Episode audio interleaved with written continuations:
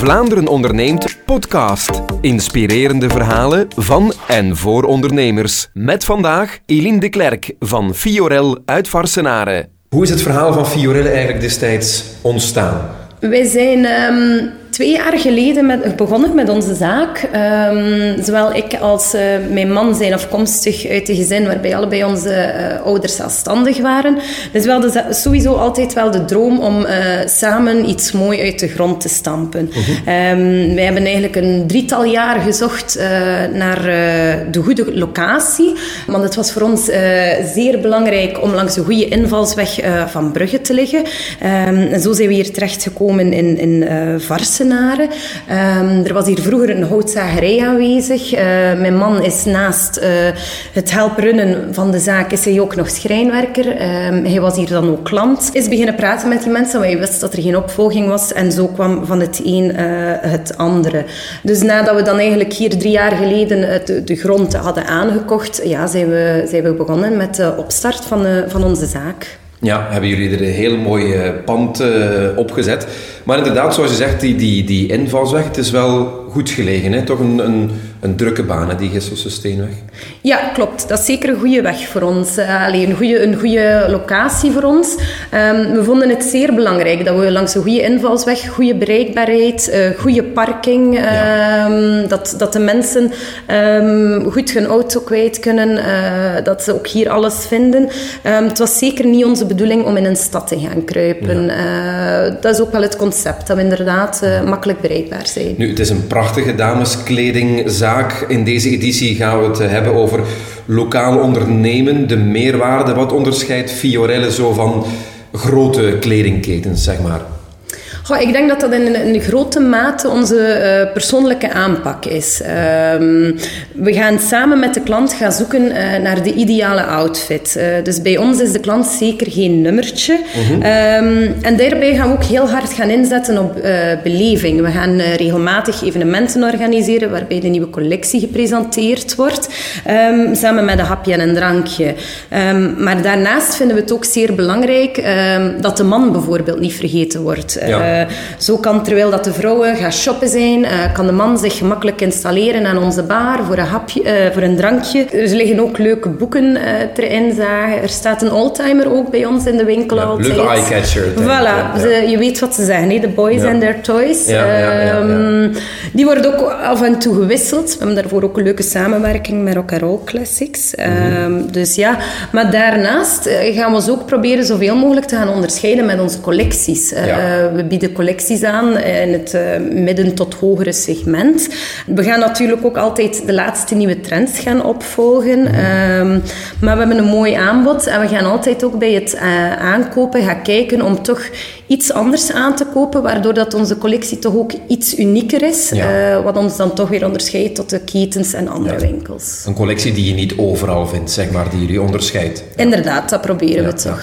Uh, we zeiden het net al, Eline, een heel prachtig pand. Klanten, mensen zijn ook vaak onder de indruk van, van het pand, waarbij ze denken dat jullie nog andere vestigingen hebben uh, naast de Varsenaren.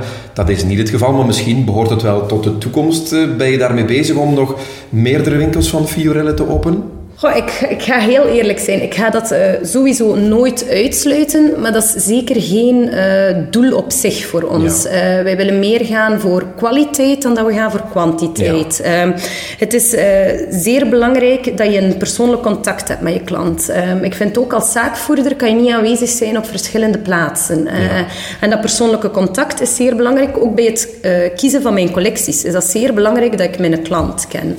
Dus vandaar ben ik nog altijd geneigd om te zeggen van eerst dit uh, ja. uitbouwen. Hoe lang zijn jullie nu eigenlijk bezig? Jullie zijn in volle corona of net erna gestart, dacht ik? Klopt, we zijn uh, twee jaar bezig nu. Dus we zijn gestart uh, tussen de eerste en de tweede coronagolf. Ja. Uh, dus we hebben, we hebben zeker niet de gemakkelijkste tijd gehad om, om onze zaak op te bouwen, ja. zeg maar. Merk je nu wel dat na corona dat mensen echt wel weer zin hebben om te shoppen en dat advies te krijgen? Dat wel, we hebben dat zeker gemerkt. Zeker uh, na de, de coronagolf, dat alle feesten terug mochten doorgaan, uh, ja. hebben we dat enorm gemerkt. Uh, iedereen had echt terug zin. Het, de, de knaldrang zat er, ja, zat er goed in, zeg maar.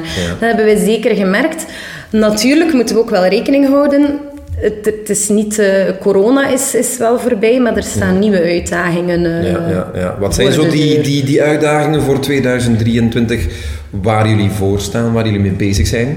Goh, ik denk dat dat zoals eh, bij iedereen wel een beetje eh, de energiecrisis is, waar dat we de dag van vandaag niet omheen kunnen. Enerzijds is het voor ons ook zeer eh, belangrijk om onze energiekost zo laag mogelijk te houden. We hebben ondertussen ook terug geïnvesteerd onlangs in zonnepanelen. Ja. We gaan ook een, een elektrische laadpaal bijzetten op de parking, wat ook weer een extra service is naar onze klanten. Ehm, maar anderzijds merken we dat toch ook wel naar onze klanten, ehm, dat zij een ja, dat, dat hun eh, aankoopgedrag toch wel iets veranderd is. De klant Ja. weet veel meer wat, wat ze willen. Ja. Eh, iedereen voelt de crisis in zijn portemonnee. Ja. Ehm, waardoor dat wij ook onze aankopen bewuster moeten gaan doen. Ehm, En waardoor dat we ook eh, nog ja, veel meer moeten gaan, gaan kijken Mhm. naar onze aankopen toe. Hoe zien jullie, los van deze uitdagingen, de toekomst tegemoet? Waar wil je met Fiorelle, ik zeg maar iets binnen x aantal jaren staan? Zijn er dingen die je nog wil toevoegen, die je nog wil veranderen, die je wil evolueren? Want je bent uiteindelijk nog niet zo lang open. Klopt, we zijn, eh, we zijn nog niet zeer lang open. Dus voor ons is het voornamelijk nu de bedoeling om, eh, om Fiorel eh, bij wijze van spreken op de kaart te zetten. Dat vind ik dat Fiorel een begrip wordt hier in de regio. Ehm, dat de mensen, als ze denken van we hebben een feest of we willen gewoon ook casual kleding, ehm, ons kleden, dat ze denken aan ons. Ehm, Dat is wel heel belangrijk, denk ik, wat je daarnet ook al aanhaalde. Het is allee, een, voor een betaalbaar... Je kan duurdere merken, duurdere kleren Klopt. aankopen, maar het is ook heel betaalbaar. Hè? Dat mensen niet het, het beeld hebben dat ze meteen denken dat het hier enkel maar avond- en dure feestkleding Ja, is. hè. inderdaad. Dat is zeer belangrijk, want dat voelen we wel soms. Dat de mensen wel denken van, oeh, daar gaan we niet binnen, daar is het te duur, Ja. daar is het enkel voor de, voor de feestgelegenheden. Maar we hebben zeker ook de casual, de dagdagelijkse kleding. Mhm. Vind ik ook zeer belangrijk dat we het totale pakket hebben. Eh, dat we ook zowel eh, voor iedereen iets hebben, gelijk van ehm, welke persoon of wat het budget is. Ja. Zeker mogelijk, ja. Oké, dan wens ik je alvast heel veel succes in de toekomst, eh Eline, met de verdere uitbouw van Fiorel. Super, dankjewel. Vlaanderen onderneemt podcast. Inspirerende verhalen van en voor ondernemers.